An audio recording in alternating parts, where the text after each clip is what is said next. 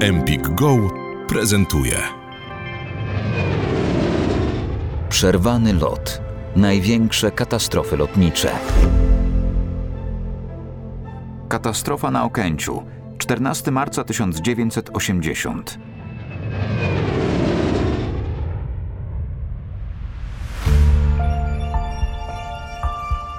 12 marca 1980 roku nikt nie podejrzewał, że tylko dwa starty i dwa lądowania dzielą samolot IU-62 od tragedii. W nocy z 12 na 13 marca kapitan Marian Nowotnik, pilot polskich linii lotniczych LOT, przeprowadzał rutynowe loty treningowe. Nie sądził, że nigdy już nie zasiądzie za sterami samolotu zarejestrowanego jako SPLLA.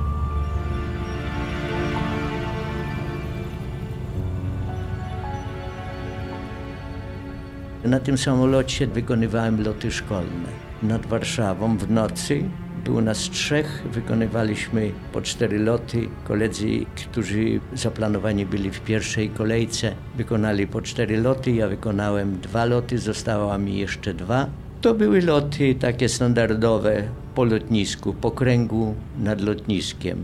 Lądowanie, gaz, start i znów lądowanie.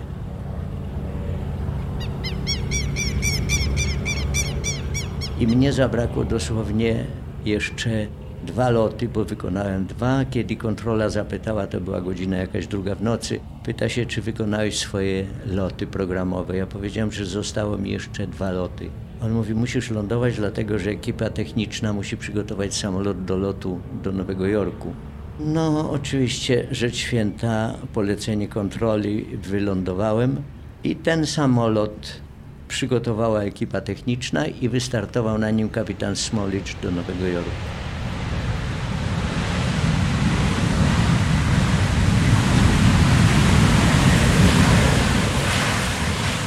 Przekazał go Pawłowi Lipowczanowi, który leciał do Warszawy.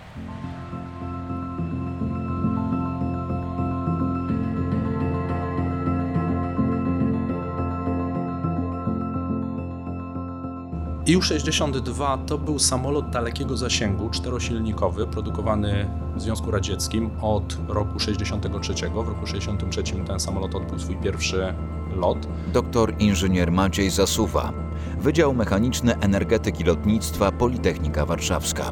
Polskie linie lotnicze potrzebowały samolotów dalekiego zasięgu. Wówczas e, największym samolotem e, przed pozyskaniem IU-62 e, w locie był IU-18, ale samolot ten miał niewystarczający zasięg, żeby realizować te najdłuższe połączenia, jakie są ambicją każdej linii lotniczej, czyli transatlantyckie. Dopiero IU-62 dał taką możliwość. IU-62 pojawiły się we flocie polskich linii lotniczych LOT w 1972 roku, co pozwoliło na uruchomienie połączeń transatlantyckich. Pierwszy lot odbył się do Kanady. Do Nowego Jorku samolot w barwach polskich linii lotniczych poleciał 16 kwietnia 1973 roku. Jak wspomina Małgorzata Nowotnik, która wiele lat przepracowała w polskich liniach lotniczych jako stewardesa, loty za ocean od samego początku cieszyły się powodzeniem. Bardzo dużo latało Polonii. Obłożenie było, jak to się mówi, na full. Często przychodzili pasażerowie do załogi, gorąca prośba, czy na Jamsita by zabrał. Tutaj nie było problemów, że puste samoloty. Może ze Stanów to nie było takich kompletów, ale z Polski do Stanów zawsze był komplet. Szanowni Państwo, w imieniu kapitana Pawła Lipowczana oraz PLL LOT witamy na pokładzie samolotu Mikołaj Kopernik. Za kilka minut rozpoczniemy procedurę startu. Lądowanie na lotnisku Okęcie w Warszawie zaplanowane jest na godzinę 11.15 czasu lokalnego. Prosimy o zapięcie pasu.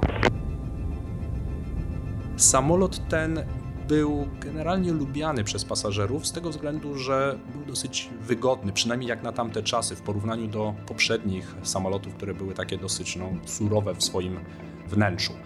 Tak więc no, był to jakiś postęp w polskich liniach lotniczych. Natomiast no, problemem jest to, że to nie był bezpieczny samolot. Przynajmniej, no, a na pewno nie był bezpieczny, jeżeli spojrzymy na niego pod kątem współczesnych standardów.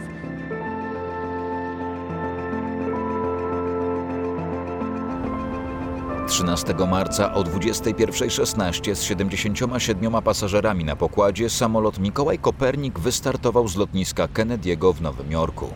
Rejs otrzymał numer 007.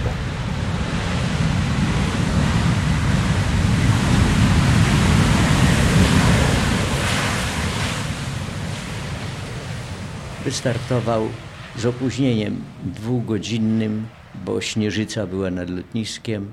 No, leciał całą noc. Nad rejonem Polski pojawił się około godziny 10 z minutami. Przeszedł Darłowo, Grudziądz, taka jest trasa, i zbliżał się do Warszawy.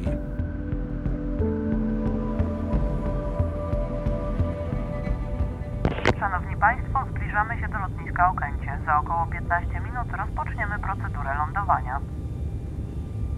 W tym czasie na tarasie widokowym na lotnisku Okęcie zbierali się już krewni i znajomi pasażerów lotu 007. W jego pobliżu znalazł się także Stefan Kosiec, pracujący w lotniskowej straży pożarnej. To były ostatnie spokojne minuty tego dnia. 14 marca 80 roku miałem służbę w lotniskowej straży pożarnej, byłem kierowcą na samochodzie ciężkim bojowym. No i około godziny 10 z kolegą Januszem pojechaliśmy po zlewki paliwa, potrzebne nam były na ćwiczenia. I wracając, zatrzymaliśmy się pod dworcem, pod, pod gdzie ludzie oczekiwali nas przylot swoich ze Stanów Zjednoczonych. W związku z tym, że wiatr był z kierunku południowo-wschodniego, więc kontrola poleciła, że będzie lądował na kierunku tak zwanym 1.5. To jest pas najdłuższy, jeden kierunek 3.3, czyli 330, drugi jest 1.5, czyli 150. I on akurat podchodził do tego prosto, jak to się mówi, z trasy na kierunek 1.5.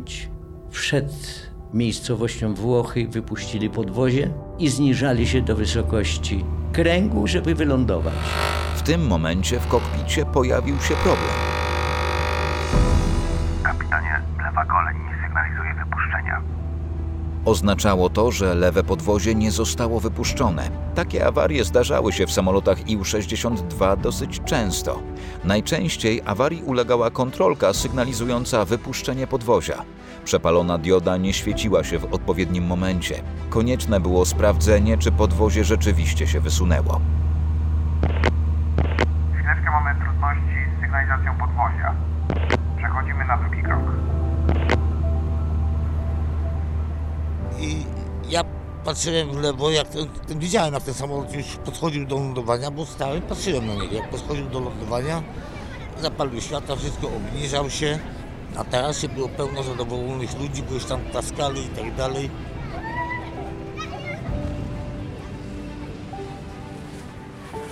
No to była taka procedura stosowana, że w wypadku wątpliwości, czy podwozie ustaliło się na zamku, a nie ma sygnalizacji, to należy przejść nad wieżą kontrolną i przy pomocy lornetki można było sprawdzić, czy podwozie jest wypuszczone, czy nie.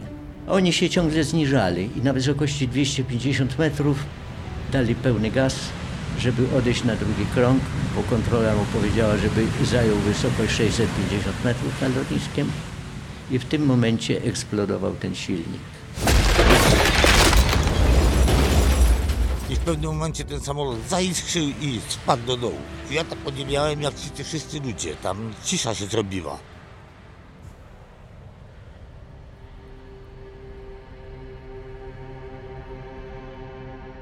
Żeby odejść na krąg, samolot musi zwiększyć moc silników do poziomu startowego, po to, żeby zacząć się wznosić. No i w tym momencie nastąpiła awaria. Mianowicie w silniku numer 2, to jest lewy wewnętrzny silnik tego samolotu, nastąpiło pęknięcie wału silnika, co spowodowało, że gwałtownie wzrosły obroty turbiny tego silnika, ponieważ nie była obciążona już sprężarką i doszło do rozerwania tej turbiny pod wpływem sił odśrodkowych.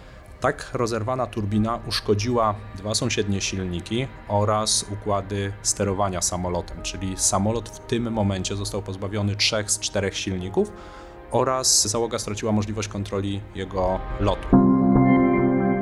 Wysłuchałeś fragmentu odcinka podcastu Empik Go.